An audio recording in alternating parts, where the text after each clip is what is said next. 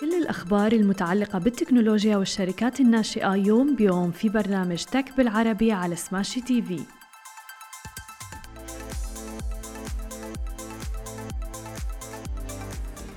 صباح الخير. عناوين اليوم بيتكوين تنخفض لأدنى مستوى في 18 شهر. نقطة السعودية للرموز الغير قابلة للاستبدال. تخوض جولة تمويل جديدة. وشركة استثمارات خاصة في دبي ثالث أكبر داعم لعرض إيلون ماسك لشراء تويتر. وتويتر تعيد تصميم صفحة الإبلاغ عن انتهاكات السياسة عبر منصتها. يا أهلا وسهلا فيكم ببرنامجكم تك بالعربي. معكم أنا هالة بسام. خلونا نبدأ أخبارنا لليوم ونحكي عن أول خبر معنا لليوم. اليوم عن عالم العملات الرقمية. هبطت الآن عملة بيتكوين إلى أدنى مستوى لها في حوالي 18 شهر في التعاملات الآسيوية يوم الاثنين تحديدا متأثرة ببيانات التضخم الأمريكية المفاجئة اللي عم بتواصل الضغط على أسعار الأصول ذات المخاطر العالمية.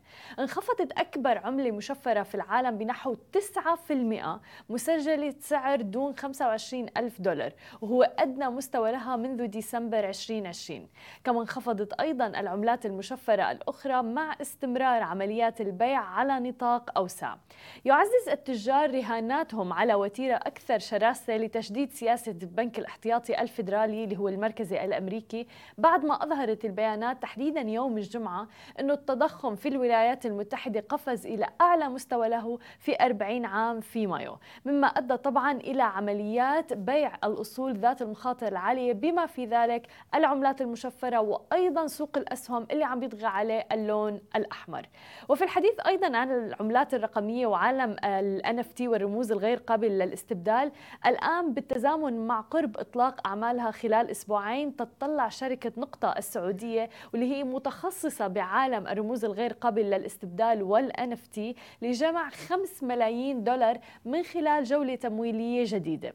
تعد نقطة اللي تأسست في نوفمبر 2011 ويبلغ عدد موظفيها حاليا 11 موظف الشركة السعودية الأولى من نوعها كسوق مخصصة لعرض وتداول الرموز الغير قابلة للاستبدال.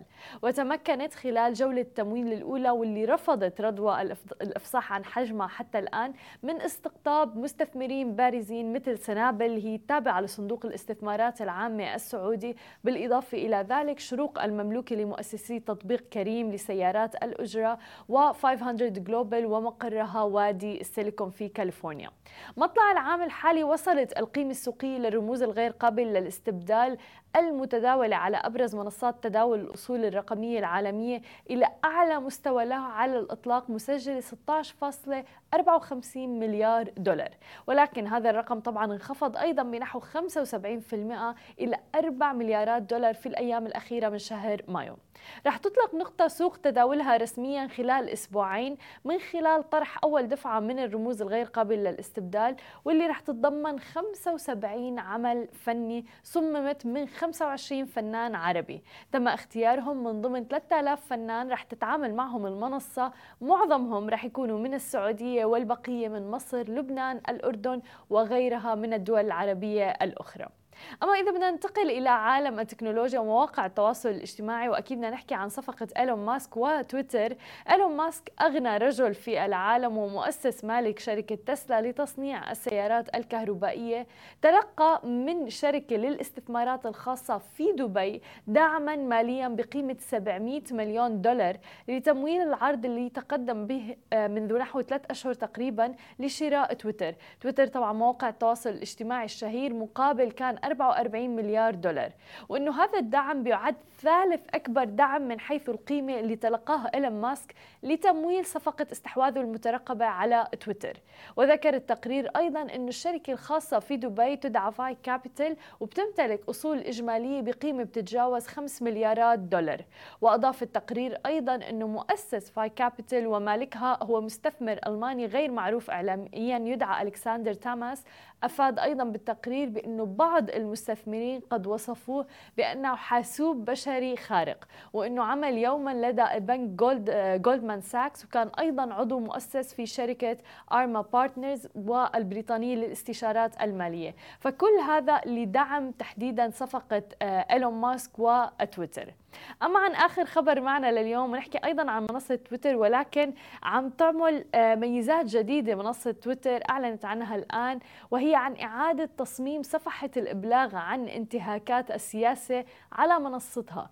من المصمم طبعا للتعامل مع كل شيء بدءا من التقارير المتعلقة بالمعلومات الخاطئة أيضا الرسائل غير المرغوب فيها وحتى المضايقات وخطاب الكراهية أيضا. خضعت إعادة تصميم للاختبار منذ كانون الأول ديسمبر من العام الماضي وبتستخدم ما يسمى بتدفق الإبلاغ عن الأعراض أولا المصمم لتسهيل الإبلاغ عن أي سلوك سيء ممكن يكون على منصة تويتر.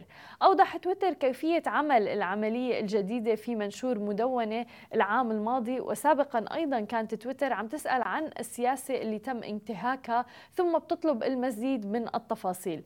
بدلا من ذلك عم بيسأل التدفق الجديد عن تفاصيل حول ما حدث قبل الحصول على مزيد من التفاصيل حول القواعد اللي ربما قد تم انتهاكها على المنصة. النتائج المبكرة من الاختبار كانت طبعا إيجابية حتى الآن وبيقول موقع تويتر أنه عدد التقارير القابلة للتنفيذ زاد بنسبة 50% نتيجة للعملية الجديدة. بيأتي إطلاق تدفق التقارير الجديدة في الوقت اللي أدت فيه محاولة إيلون ماسك مثل ما قلنا للاستحواذ على المنصة إلى فرض أيضا تدقيق متجدد على سياسات الاعتدال في تويتر. وبشير موقف إيلون ماسك باعتباره مؤيد لحرية التعبير إلى أنه قد يرغب في أن تتخذ الشركة نهج أكثر استرخاء في إدارة المحتوى تحت ملكيته. ولكن مع قيام الرئيس التنفيذي لشركة تسلا بتوجيه تهديدات متكررة لإلغاء الصفقة لا يزال طبعا من غير الواضح متى أو حتى إذا فعلا رح يتم الانتهاء من عملية الاستحواذ أم لا. طبعا نحن رح نواكبكم أول بأول بكل المستجدات آه، عبر هذه هذه الأخبار على منصة سماشي تي في هذه كانت كل أخبارنا الصباحية لليوم. ما تنسوا تتابعونا على كل مواقع التواصل الاجتماعي الخاصة بسماشي تي في. تسمعوا البودكاست تبعنا وتنزلوا ال application. نهاركم سعيد جميعا. مثل ما وعدناكم أخبار جديدة ومقابلات مع رواد أعمال يوميا في برنامج تك بالعربي على سماشي تي في. حملوا التطبيق الآن.